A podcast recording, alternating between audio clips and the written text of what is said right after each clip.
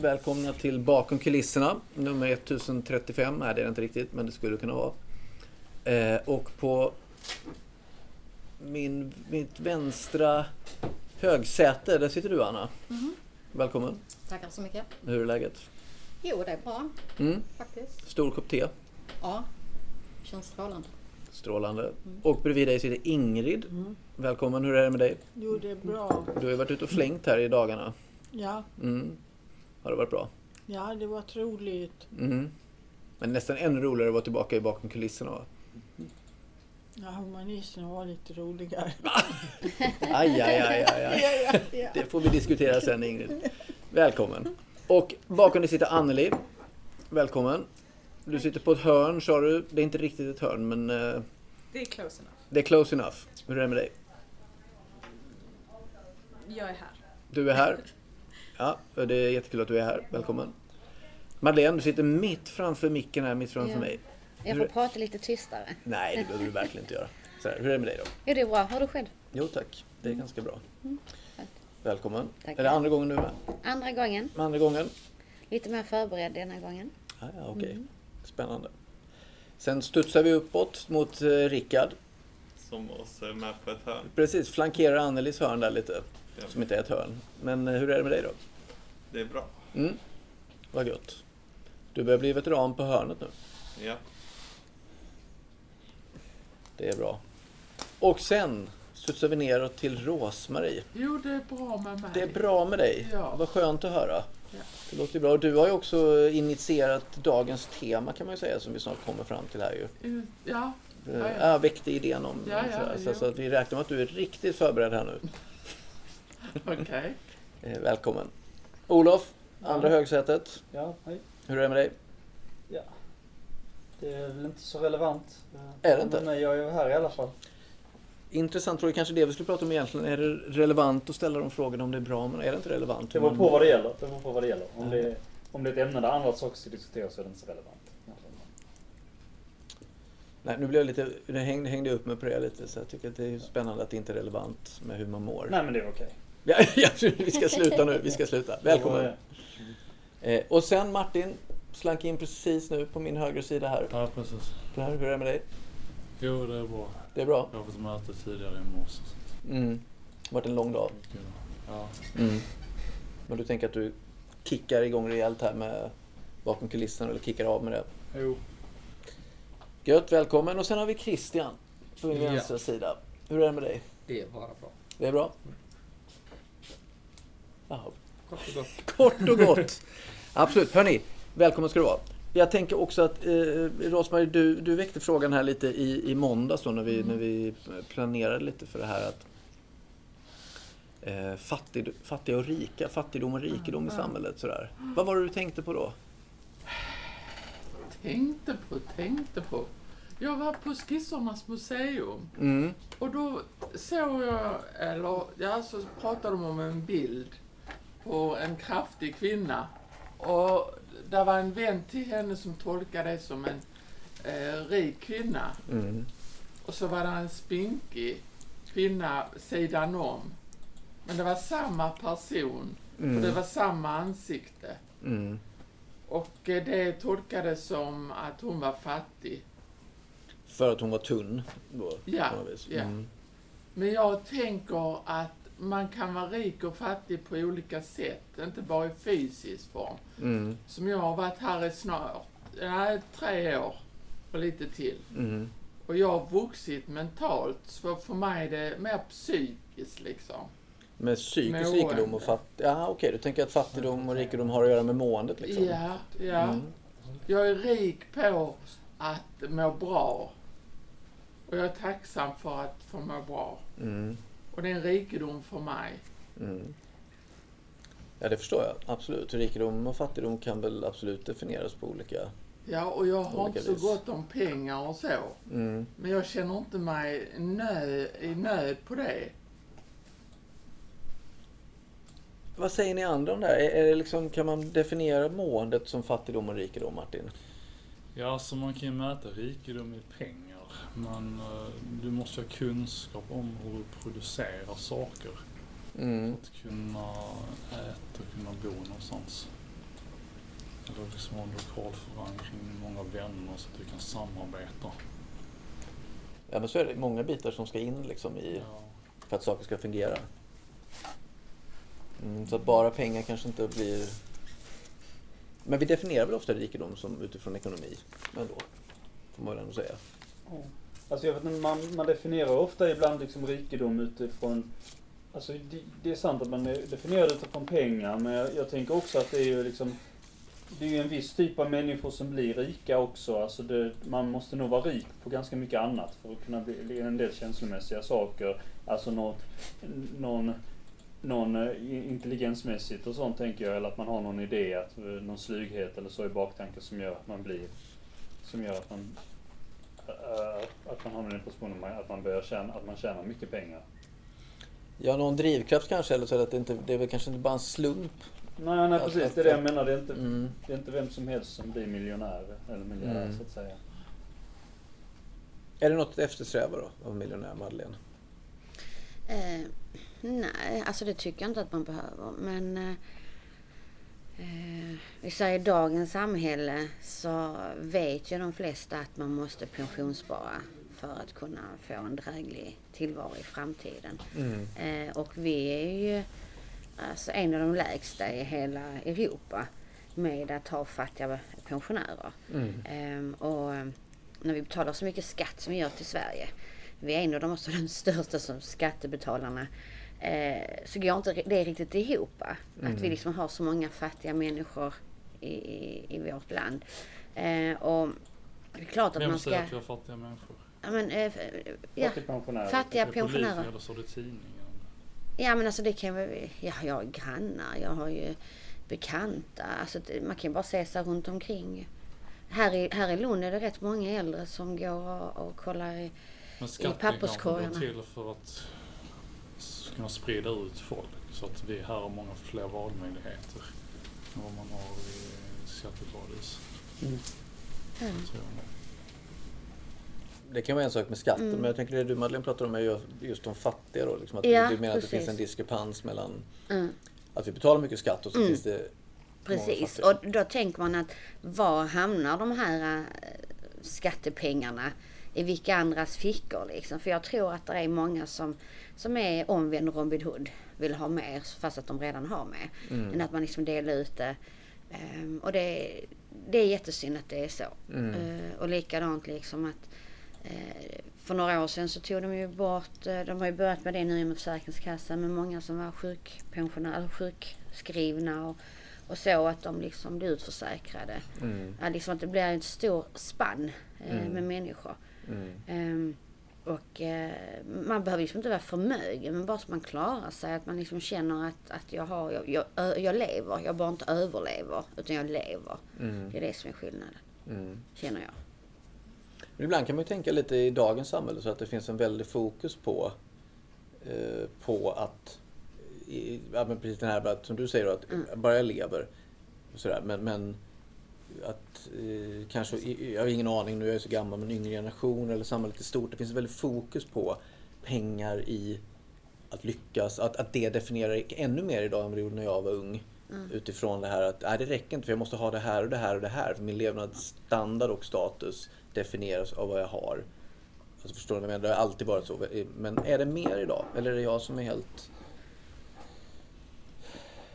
Jag vet inte. Förvriden i skallen. Anneli? Jag tror absolut att det är mer idag.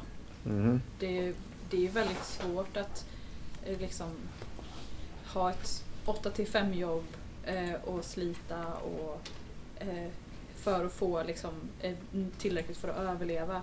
Och sen ser du en 13-åring på Youtube eller TikTok som är miljonär på tre månader. Mm, mm. liksom, där blir det ju den här stressen att nå ekonomisk eh, oberoende, eh, ett ekonomiskt oberoende eh, tar över allt annat. Mm. För att samhället värdesätter pengar.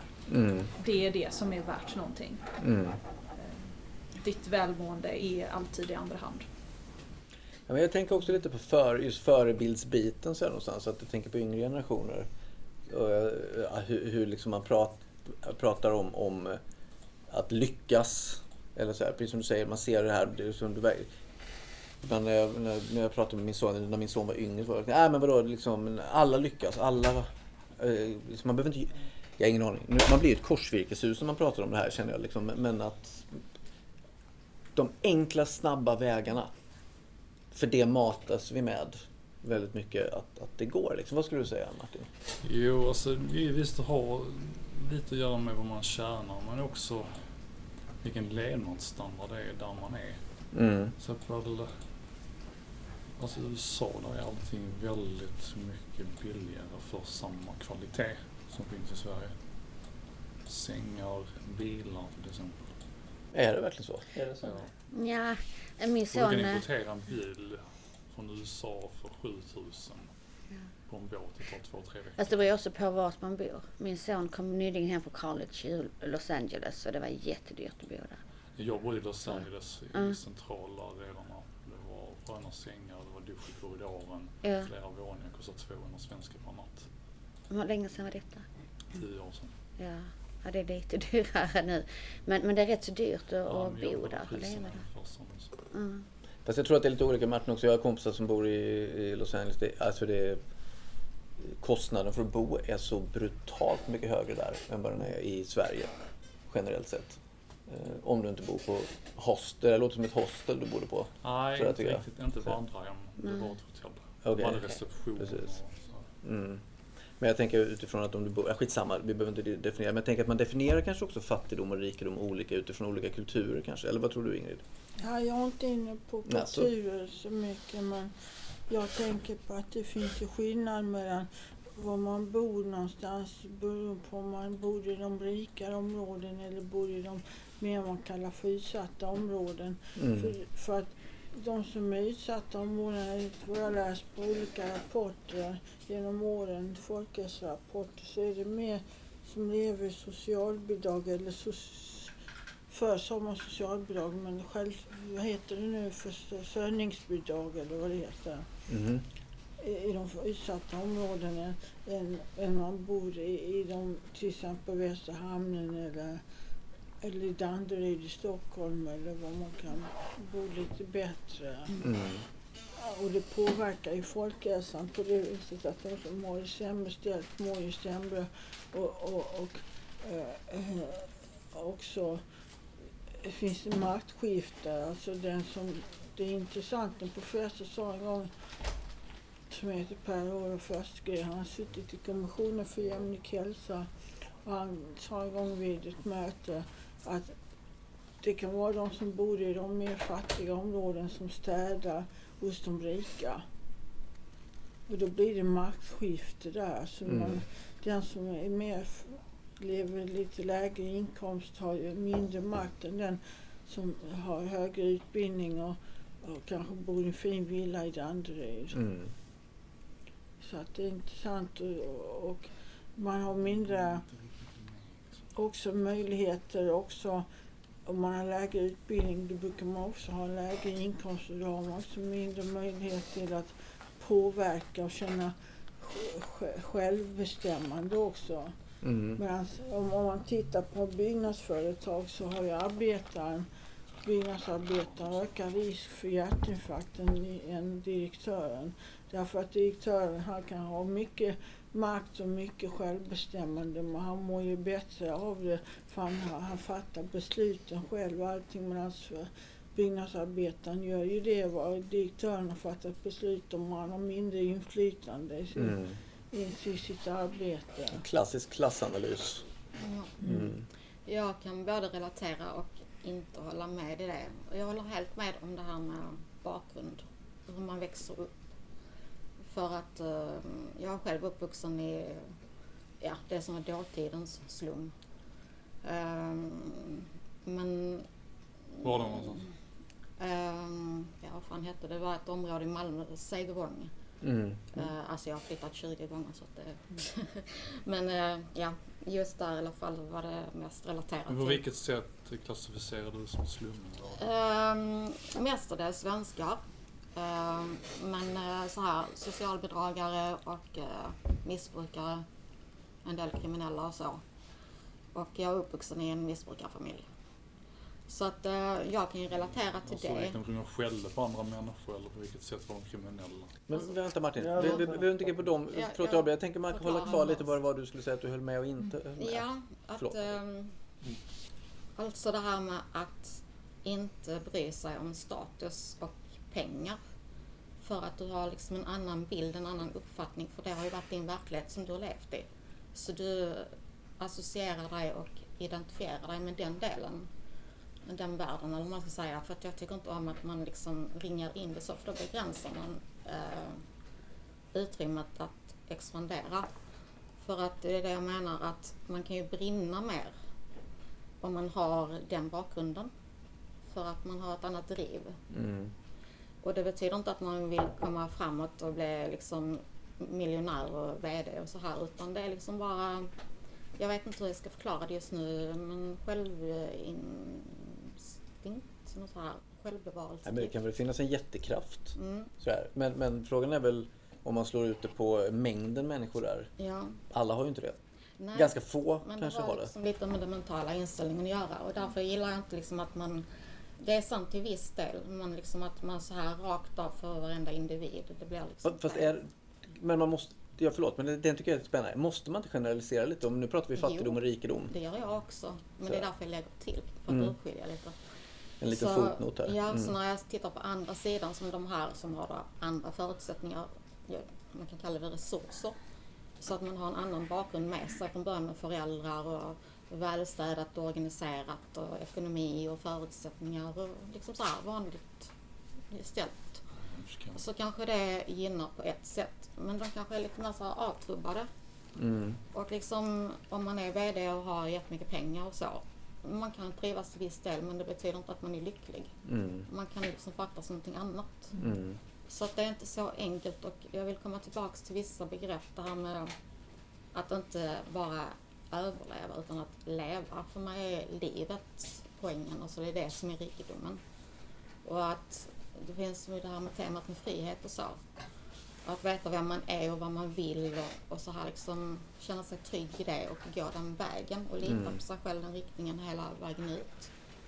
Det är rikedom. Och sen kan man komma in på sånt med hälsa och mående och sånt. Alltså det är ju ovärderligt. Det går ju inte att ersätta det med pengar. Så spelar det ingen roll hur mycket miljoner. Däremot pengar, vänta lite. Däremot pengar, det kan ju köpa friheten att man bestämmer över sin egen tid. Och det får ju en att må bra. Så Mm. kan man ju välja själv. För det är ju det som många kämpar med, att försörja sig. Mm. Jag tänker nog att, att den här, nu pratar vi, det- här är ju svårt att, att det har ju diskuterats så mycket och det är så mycket, klichéer i det här. Men just den, den lyckliga fattiga och den olyckliga rika. Liksom, att den är ju lite komplicerad tycker jag. Så jag tänker nog att man i mitt huvud kan jag nog tänka mig att ah, hade nog varit lyckligare med pengar. Nej men alltså, alltså just för de möjligheter det ger. Så jag har i alla fall en möjlighet att, att, att, att, eh, att skapa min egen lycka på något sätt. Liksom sådär. När vi lever i ett samhälle som värderar pengar högst av allt så är det lättare att köpa sig lycka. Mm. Och alla som säger att lycka kan inte köpas av pengar, det är ju folk som alltid haft pengar att köpa de nödvändiga sakerna de behöver. Mm. Ja, men du måste fråga på ett trevligt sätt också. Det räcker inte bara med pengar. Du Menar måste du? ha kunskap. Men det är väl det Hur menar du? Stopp. Martin, vad är det du Jo, men Tittar du menar? oftast Om tittar på boende. tittar Ja man fast pengar kan skaffa dig kunskap, pengar kan skaffa dig ett bra boende, pengar kan skaffa dig... Alltså vänner. utbildningen i Sverige är gratis. Ja, den är ju det. Jag håller med. Ja fast eh, Och- kan du flytta vart du vill för att plugga? Kan du bo eh, någonstans annanstans än Både ditt Ericsson röriga och Volvo hemma? har bra relationer med USA. De måste köpa sin kunskap och vi kan byta ut det om vi vill. Så ser jag på det. Kan du förklara det lite närmare? Nej men jag tänker man kan se olika sätt. Så här, jag ser nog att, att eh, Alltså det är eh, inte riktigt rättvist att jämföra oss med USA. Nej. Man tänker på det som utbildningssystemet. Här får man det mesta gratis och så här. Fast- fast får jag bara säga så här, Och kallt, Martin. Det. Martin, det är ju... Är, jag ifrågasätter det där starkt. Det finns väl ingenting som är gratis? Liksom. Alltså vi har alla möjligheter att söka, liksom, man lånar pengar för att Det plugga. är väldigt billigt.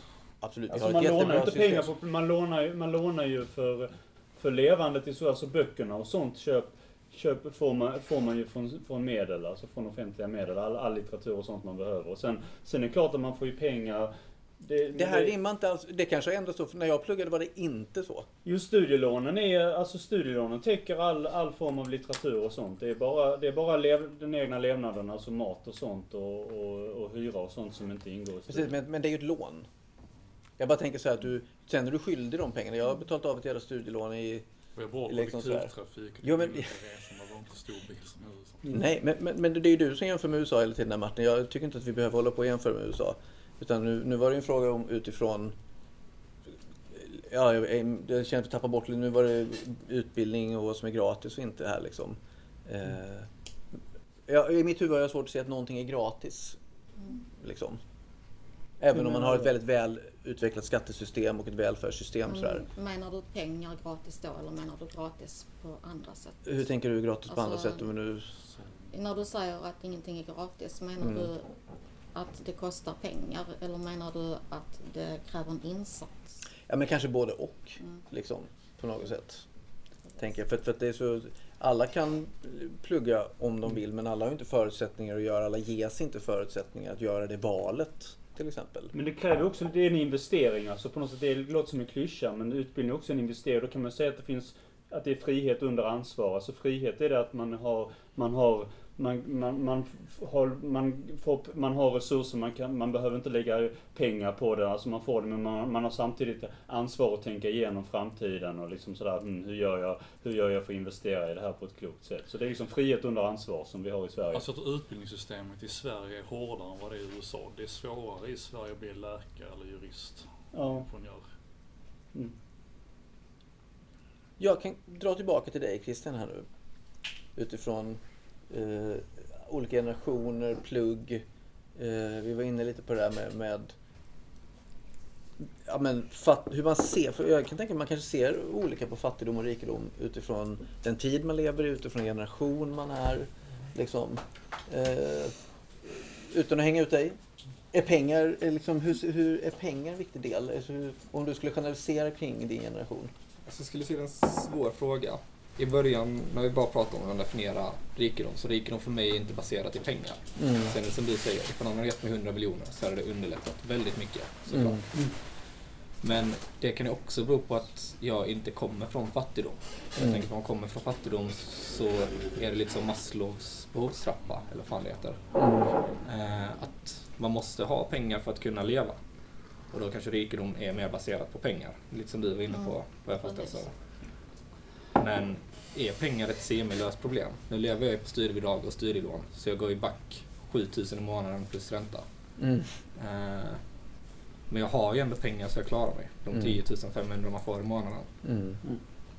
Och jag tänker inte rikedom i pengar därför, utan jag tänker mer i umgänge, vad jag kan göra i familj Mm. och liksom mer socialt. Den sociala rikedomen. Ja. Mm. Och att den har större betydelse för mig än vad pengar-delen har. Mm. Men vi har varit inne på väldigt många intressanta samtal här. Alltså om utbildning.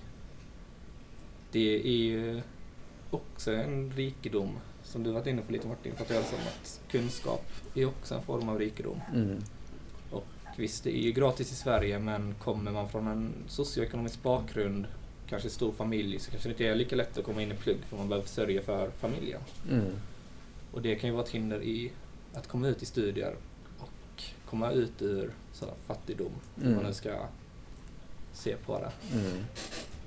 Men för att generalisera som du frågade. Mm. Jag är lite generalisering Ja. här nu, det är gött. Jag tror det finns två grenar. De som satsar på karriär och går för att tjäna pengar och tänker att det är en stor del av hur man ska läsa sitt liv. Och sen de som mer gör vad de känner för som inte är karriärsbundet. Mm. Och tänker på den sociala rikedomen och upplevelser-rikedom. Att backpacka, tågluffa, upplevelserna. Mm. Alltså det man får med sig från det istället Mm. för pengarna. Mm. Och det Ja, fast där måste jag komma in. Ja, fast nu är det så att Ingrid faktiskt skulle komma in, så får du komma in sen Olof. Jag tänker, är verkligen utbildningssystemet gratis här i Sverige? För att vi betalar det via skatten ju. Mm. Så att egentligen efter många års jobb inom sjukvården så jag har betalat för min egen utbildning genom att jag betalar skatt genom inkomst. Och Mm. Varje gång man handlar någonting så betalar man ju skatt. Ju.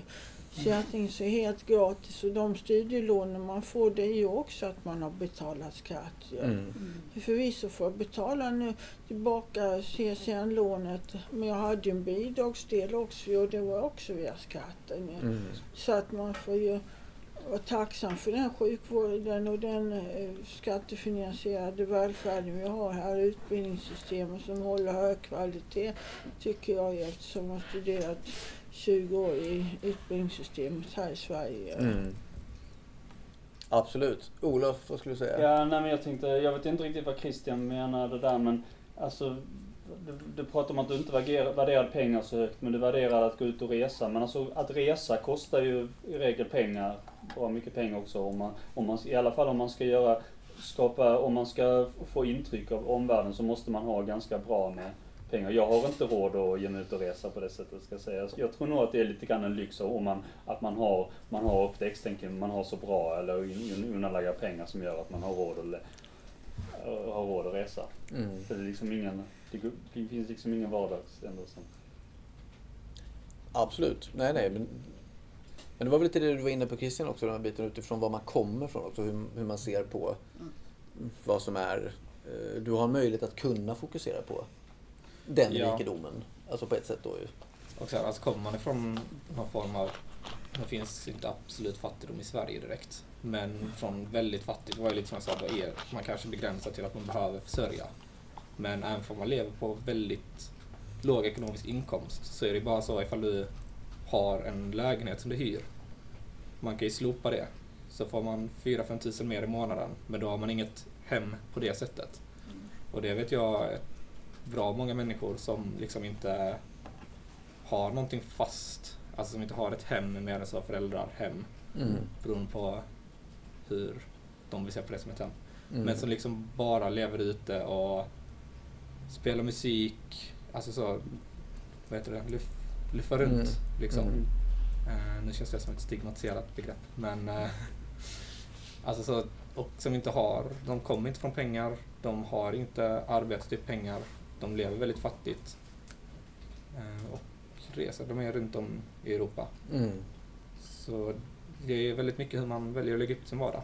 Mm. Vart man vill bo, vill man bo centralt, vill man inte ha en lägenhet, vill man bo i Lappland, alltså där det är billigare. Ja, ja, ja, precis.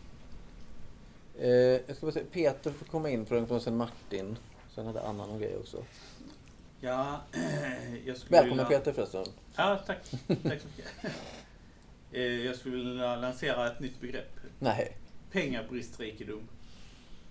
Pengabristrikedom. Ja, Mm. du skulle vilja utveckla lite? ja eh, det baserar jag på mig på e- en upplevelse jag hade hur det, hur det gick till när jag ett tag inte hade några pengar alls. Att jag, hade, jag hade ganska snålt med pengar då och då kämpar man ju liksom sig fram och sparar på, på pengarna och sådär. Men sen, eh, sen blev det så att jag gjorde några dumma saker Jag gjorde av med alla mina pengar fast jag bara levde på socialbidrag.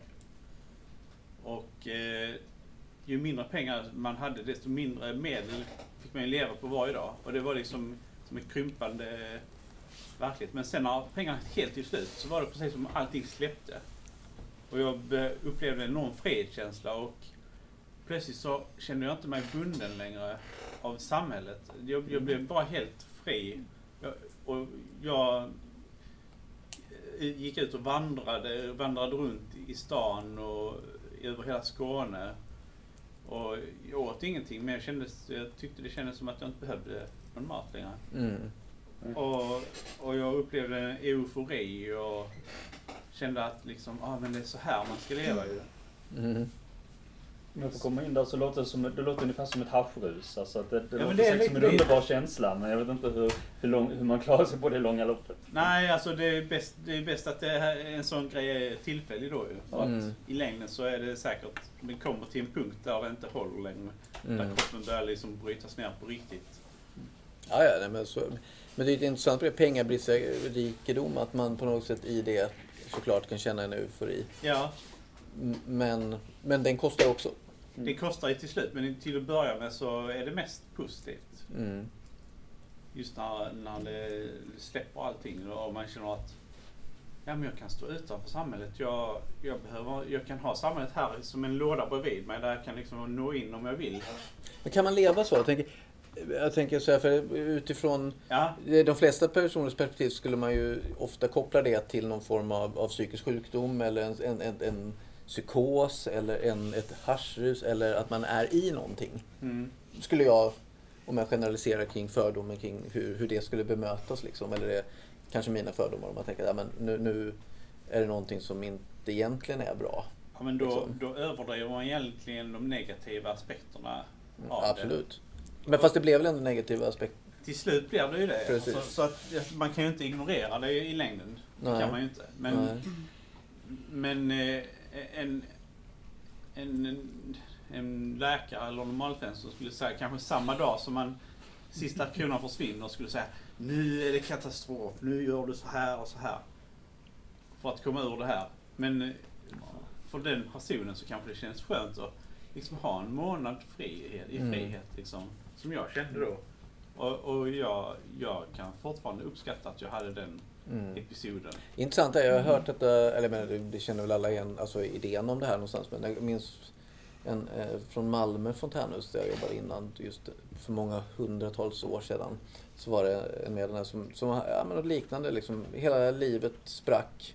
Äktenskap, jobb, Ja. missbruk låg väl i grunden liksom så här. Och då, drog, då gick han. Han stängde dörren och gick. Bara Ja. precis, promenerade, promenerade, promenerade. Ja. Och det fanns både en flykt och en frihet i exakt samma ögonblick på något sätt. Det gick ju helt åt helvete också såklart till slut. Mm. För det gör det ju kanske någonstans. Men, eh, men det är ju, jag kan absolut förstå ögonblicket Ja. där när, när allting släpper Och, och det är borta.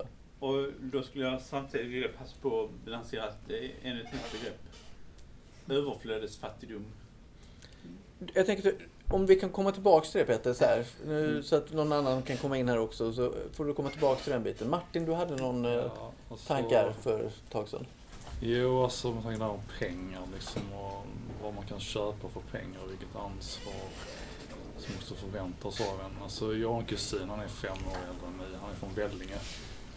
Han är utbildad i Lund inom eh, telekom. Han jobbar som managementkonsult för en topprank amerikansk byrå i eh, tio år. Tjänar väl 50-60 tusen i månaden och sen så börjar han jobba inom telekombolag och så ökar han sin lön med tre, fyra gånger. Och eh, han bor på Lidingö och där, alltså där finns hus för 20-30 miljoner. Men han bor i ett hus där för 5 miljoner. Så han lever ett väldigt billigt liv. Han har så BMW och ribbåt och så här. Och där ser man liksom, alltså hade han varit i något annat land så hade han Mm, kunnat köpa mycket fler saker. Man hade också synts väldigt mycket mer. Och det är frågan, alltså det hade nog gått bra kanske i typ en fem års tid.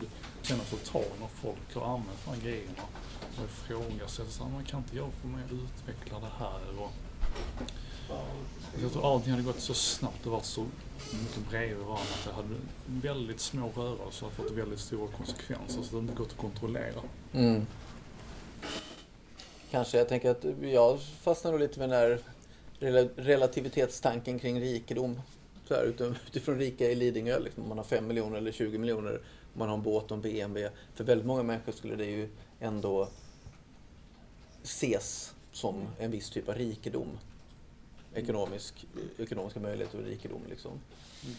Anna, vad tänkte du? Nej, jag, jag har nästan tappat bort. Men eh, Ja, jag det är så det. intressant att lyssna. Men jag vill binda ihop det här, eh, alltså otroligt inspirerande. Tack för din berättelse.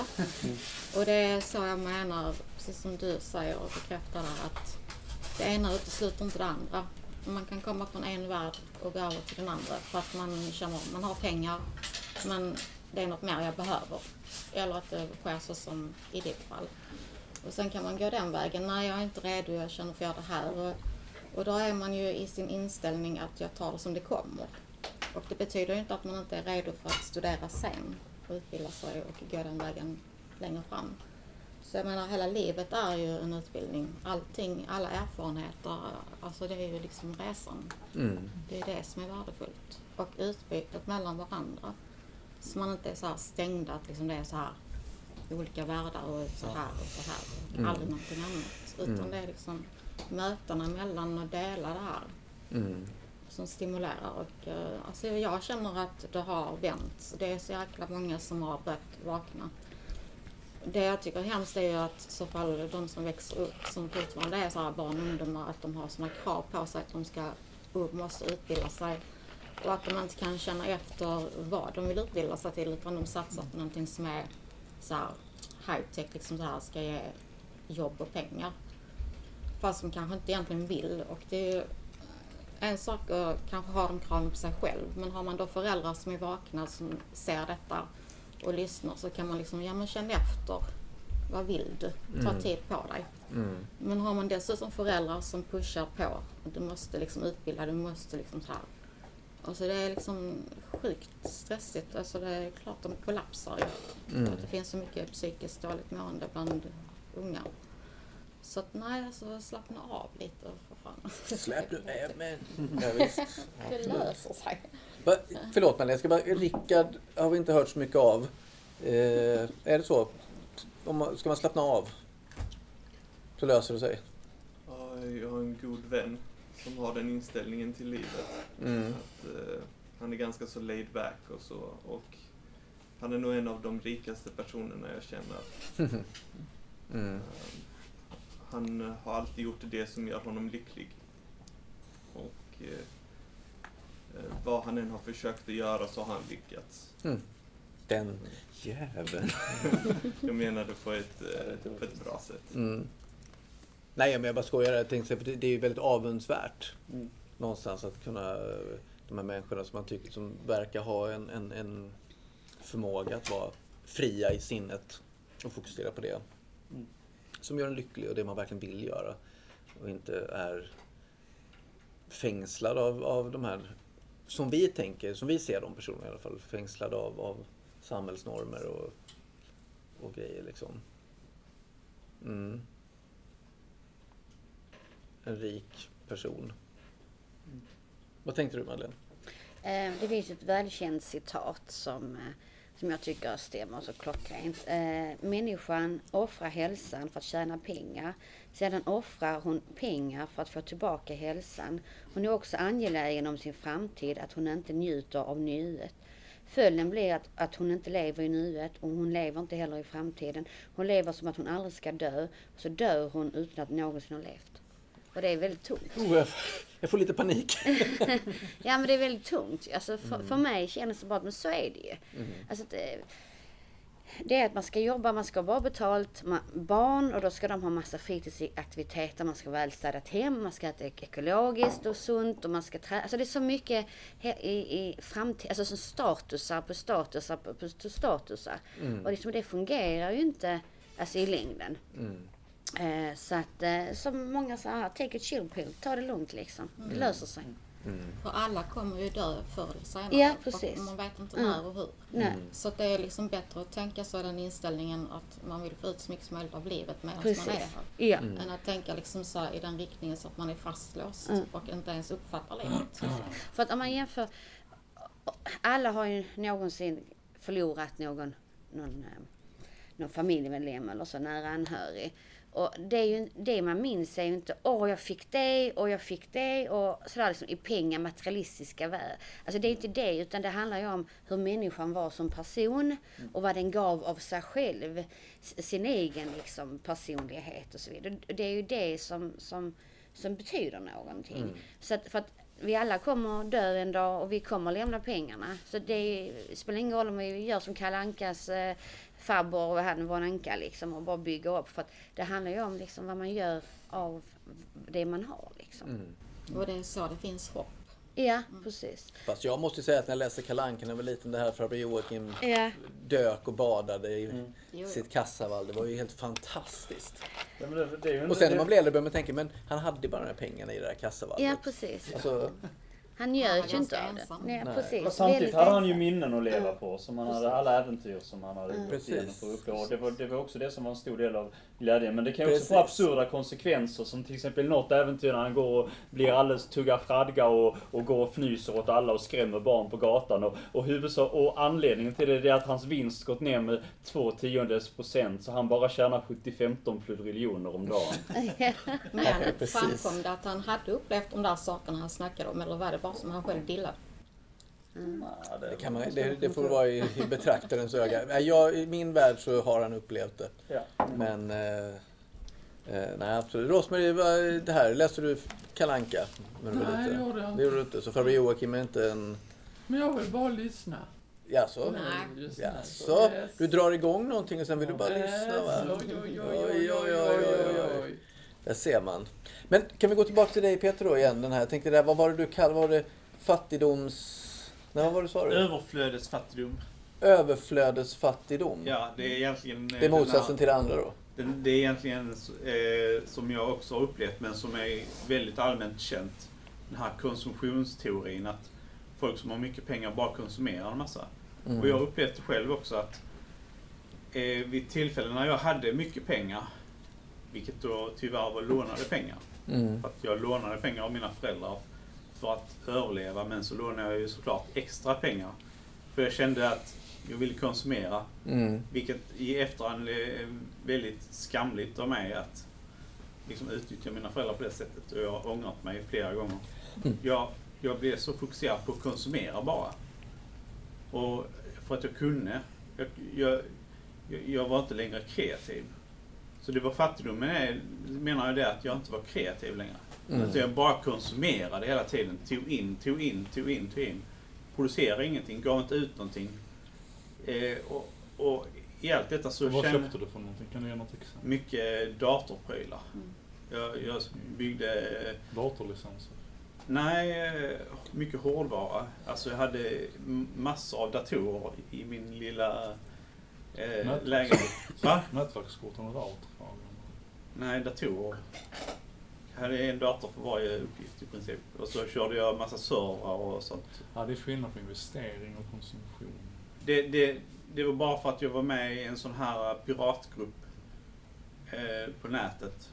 Och liksom konsumerade där också. Konsumerade filmer och spel och sånt. Via, via liksom piratgrupper.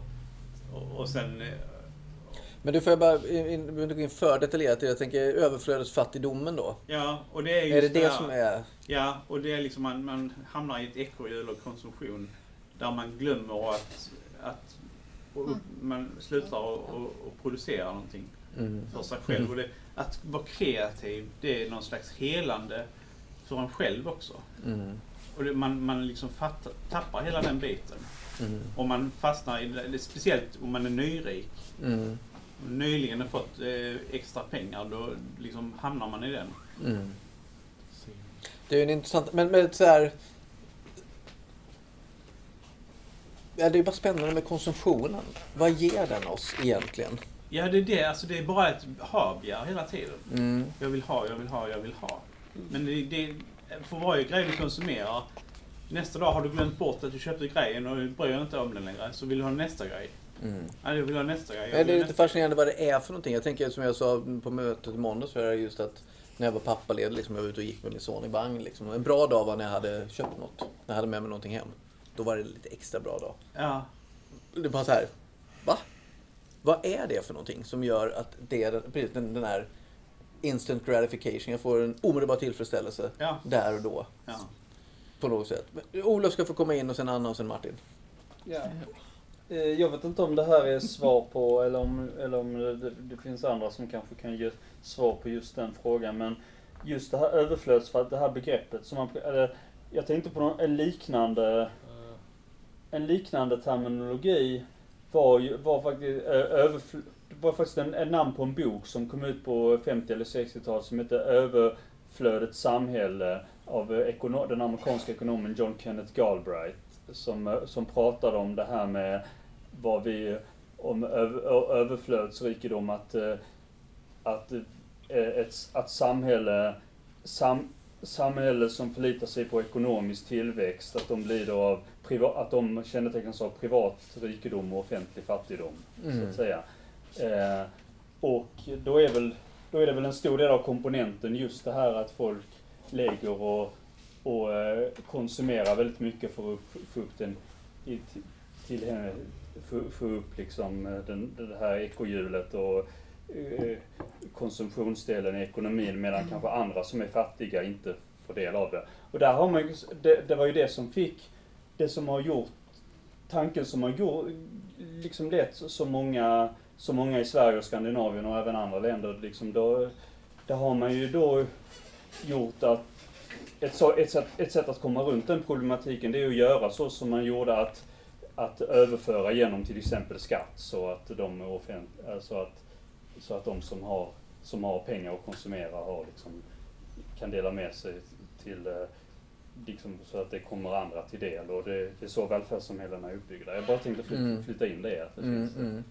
det fanns en liknande terminologi som Jag tycker, eh, ni ska få komma in. Jag bara tänker det är intressant och jag går tillbaka till Peter med att Bob Dylan sa väl samma sak där att vi, vi enda anledningen till att vi lever är för att vi ska producera. Alltså, och då Ja. talar han om någon kreativitet eller vad det nu månde vara liksom Ja. sådär.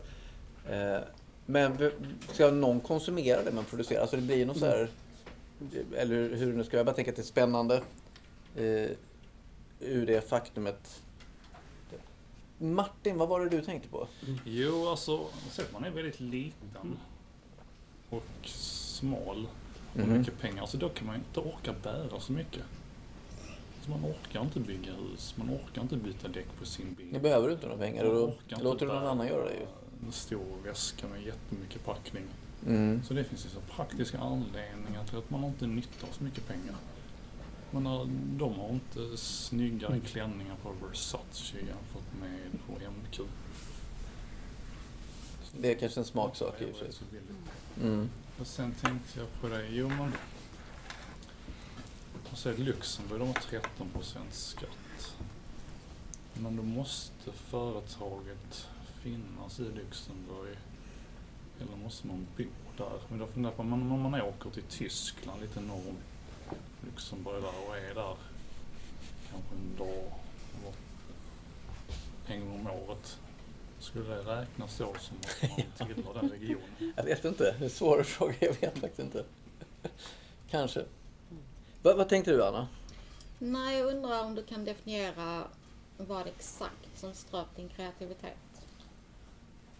Ja, alltså det, det var ju mycket det här att jag var ute på en massa nätsajter och letade efter eh, ny hårdvara. Och liksom satte mig in i hur ny hård, eh, vilken, vilken skulle köpa. Eh, och, och, liksom, och, och sen även när- alltså mycket filmtittande och spe, datorspelande. Alltså konsumtion på det sättet. Så det blev fel fokus för dig Ja, personligen? det, ja, det blev det ja. Ja. Eh, och, och jag märkte ju det sen efter ett tag att jag, att jag var inte kreativ längre. Mm. Och, Du började någonstans och sen gick det en annan väg och så... Du har kreativitet i dig och det var så det började. Ja, alltså jag, har, jag hade ju haft kreativitet innan då ju. Mm. Eh, men jag märkte ju det under den perioden så hade jag ju inte tid för att vara kreativ. Det, det, det åt upp så mycket tid så jag hade inte, Mm. hade inte tid att vara kreativ kan man säga.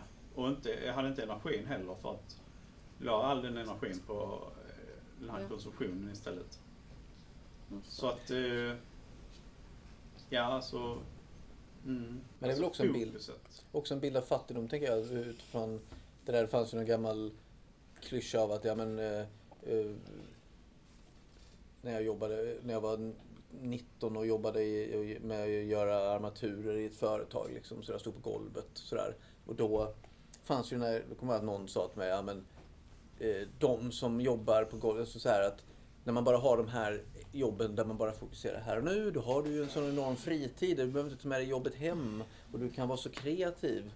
Och göra till skillnad mot de här kreativa människorna som jobbar med kreativa jobb som blir helt slut av det. Och det insåg jag ju när jag jobbade där. Det var ju sån liksom lärdom, extremt praktisk lärdom att bara, vilket jävla skitsnack. Man var ju helt slut när man kom hem efter Ja. det där. Alltså det Aha. fanns ingenting kvar. Jag kommer tänka på det, det finns ingen kraft kvar Nej. till något kreativt. Utan snarare är det så att kreativitet föder kreativitet. Mm. Liksom. Alltså, eller... Eh, Så att, jag menar, det går inte och det är väldigt svårt att kombinera de här olika bitarna tror jag också. Mm. Eh. Rosmarie, vad skulle du säga? Jo, det är att jag, jag har innan handlat och så liksom varit lycklig och glad liksom. Men sen går det några dagar. Då är man inte lika glad längre. Nu måste du köpa nytt. Ja, det, nej, nej, Nej, då, nej, nej, men det gick ett tag och så Mm. liksom blev det att man köpte något nytt. Mm. Men det går några dagar, sen är man inte glad längre. Mm. Och nu har jag upptäckt att man, man behöver inte, jag handlar bara det jag behöver Mm. nu. Jag är glad i alla fall. Vad var det som hände i dig då? Eller vad var det som fick dig att förändra, förändra det här? Nej, det var bara i tanken liksom. Mm. Att jag tänkte liksom. Det plingade liksom. Vad sa du? Det plingade. Ja, det kan man säga. Eller, ja, Mm. att jag märkte det successivt. Liksom. Mm. Så man kan inte köpa lycka. Och pengar är ett nödvändigt ont vill jag också säga. Mm. Tyvärr. Mm. Men det är också så att vi har byggt en värld och ett samhälle som bygger helt och hållet på pengar Mm. och ekonomi. Så att, så att någonstans är det ju också svårt, tänker jag, att, att kliva utanför. Även om du sa den här friheten är att kliva utanför samhället. Den, det kommer ju ett pris. Den kommer med ett pris någonstans och det är inte så lätt. Därför att allting är uppbyggt på de här, de här systemen liksom. Så att... Eh, ja, jag vet inte, det, det är ju klurigt. Det, det en ensamhet en, eh, som kommer av det där liksom. Ja, som kommentar på det så vill jag säga att det fanns ju ett, man kan säga, bryta ner det till att jag hade ett antal problem att lösa i min, i min vardag då ju. Till exempel transport, mat, sömn, eh, någonstans att vara. Transporten löste jag jag promenerade Mm. över hela Skåne. Eh, maten löste jag, jag slutade äta. Mm.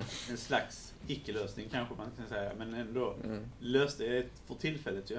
Mm. Eh, sova. Jag hittade någon parkbänk eller någonstans, någonstans bara och sov. Ofta sov jag på dagarna faktiskt för att det var varmare på dagarna. Mm. Så då kunde jag sova, så gick jag på nätterna. Mm. Och någonstans vara, ja det var hela Skåne. Jag kunde vara överallt ju. Mm. Så där, det, jag hade inte det problemet längre att jag måste ha en viss lokal där jag kan befinna mig. Att jag känner att alla vägar är mina, alla, alla parker är mina. Så blev jag också upplockad av polisen vid något tillfälle. Mm. För att jag promenerade längs en väg mitt i natten. Mm. Och de trodde jag var hög liksom. Mm. Vilket jag inte var. Men Men var det en ensamhet? Jag är bara nyfiken nu när du pratar om det här. Träffade du människor? Umgicks du med människor? Eller var det... nej, det gjorde jag faktiskt inte. Nästan Nej. inte alls överhuvudtaget. Mm. Det, det bästa umgänget var, Eh, det var en episod när jag var uppe i Hässleholm, promenerade längs gatan. Och så såg jag en man som gick mot mig. Han, han såg väldigt snäll och kommunikativ ut. Så när jag närmade mig honom så gjorde jag en hel... Så, så sa jag Och han svarade direkt. Sen bara gick vi förbi och fortsatte.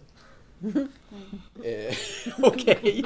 Det var ungefär den nivån på kommunikation Ja, ja, ja, precis. Ja, nej. som jag hade med Inte kanske människor. så rik kommunikation då? Nej, På ett sätt. Ja, men det beror på. Mm. Du kanske hade en kommunikation med dig själv. Alltså Det hade- det var en självrannsakan. Så Ja. att det var det det gick ut på. jag hade ju en enorm kommunikation Exakt. med, med andra människor i mig själv. Mm. Exakt. Alltså du, dig ska jag snacka med sen. Vad heter du? Peter. Jag måste skriva upp det. Jag tänkte nog snarare på det med ensamhet utifrån att vi pratade förut om en social rikedom och en, en rikedom av, av, av eh, vänner eller var man nu befinner sig. Sådär. Så att den är ju intressant sådär, i, i den rikedomen som du pratar om. Mm. Vad kallar du nu igen? Eh, Eh, pengabristrikedom. Pengabristrikedom. För jag kan tänka mig att den rikedomen kanske inte innefattar den sociala eh, rikedomen. Man hamnar ju liksom, jag kände det att jag hamnade ju utanför samhället så att min, min kommunikation blev ju den här liksom inre dialogen med Eller pladot. Ja, Men- när det väl kom ut ord liksom. ja, det, intressant. Intressant bild, Ja. tycker jag. Eh, Olof. Ja, jag skulle säga det som eh, nästan som avslutningsord. Vi har inte så många minuter kvar. Nej, men en sak som, jag- som jag kan säga. Jag, jag kan säga att jag är jag är väldigt glad som, eh, som jag vet inte, sjukpensionär ska man väl inte säga att jag är riktigt, men, men jag går ju på aktivitetsstöd så jag tycker det är Mm. stigmatiserat. Men det finns väldigt stora, jag är väldigt glad att leva i Sverige med, de, med den utgångspunkten att här har jag, här kan man göra, om man inte har några svåra missbruksproblem och, eller, eller liknande, så är det väldigt lätt att, ändå att leva, att eh, kun, kunna, att inte känna att man är ekonomisk liksom oroa sig jättemycket över ekonomin varje dag man ändå kan leva ett vanligt liv. Det finns dock undantag från regeln. Ibland kan det vara, ibland kan det vara ganska hemskt. Det beror ju det beror, det beror ju, det beror ju på om, om man hamnar i en situation när man är i bråk med Försäkringskassan och sådana beroendeställningar om man ska när det gäller studier eller jobb och så här, Det finns, finns sådana problem med byråkrati som ibland har varit problem. Men generellt skulle jag säga att det är väldigt, det är väldigt lätt att ha den här tanken. Alltså det, vi är mycket närmre ändå, även om vi inte är riktigt där om man jämför med USA. Eh, så känns det som att vi är mycket närmre den, den typen av samhälle där man kan känna att oavsett, man tänker på förhand, man vet inte var man ska vara, vilken position man ska hamna på.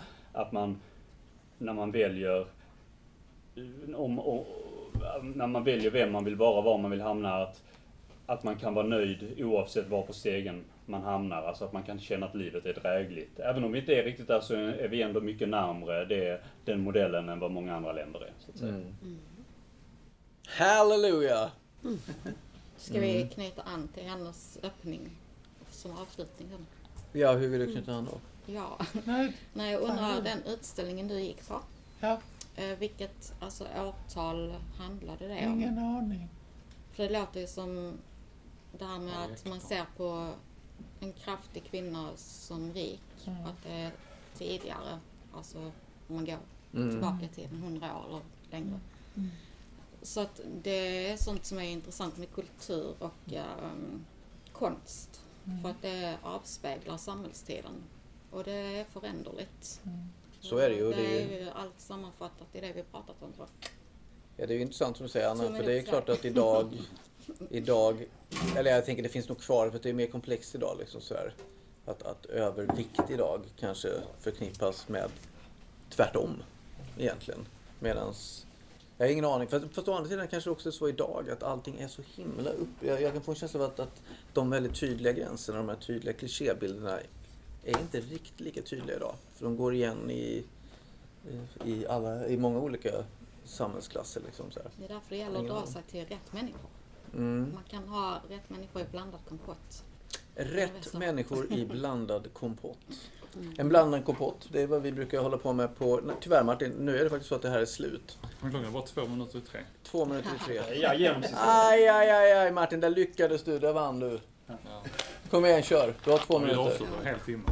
Du har helt rätt. Ja. Absolut. Jo, ja, jag var i Lomma igår och där Mm. ligger en Bavaria 50 fot sån här tysk segelbåt. Mm. Alltså de byggs i bara i södra Tyskland och så transporterar de upp till Hamburg, där kan man hämta dem. Och eh, alltså han är så nojig den snubben. Alltså han har tre tampar i fören som går från bryggan till båten. Tre tampar i mitten och tre tampar längst bak. Alltså det är typ nio tampar totalt sett. Olika tjocklekar och knoparna är bundna på olika sätt. Eh, Jag tror inte jag såg en pålstek, men det är så råbandsknopar och ibland var det så flera varv lite lösa liksom. Där, där ser man liksom att alltså, rika personer kan vara så jävla nojig. Men det är ändå inte riktigt ordentligt gjort för det finns sådana rep som går igenom så här plastpinnar och så. Mm. Och avlast och sånt så finns det sådana eh, fjädrar för att dämpa belastningen. Liksom. Men det hade han inte. Mm. Så han har gjort sina val. Han har gjort sina val.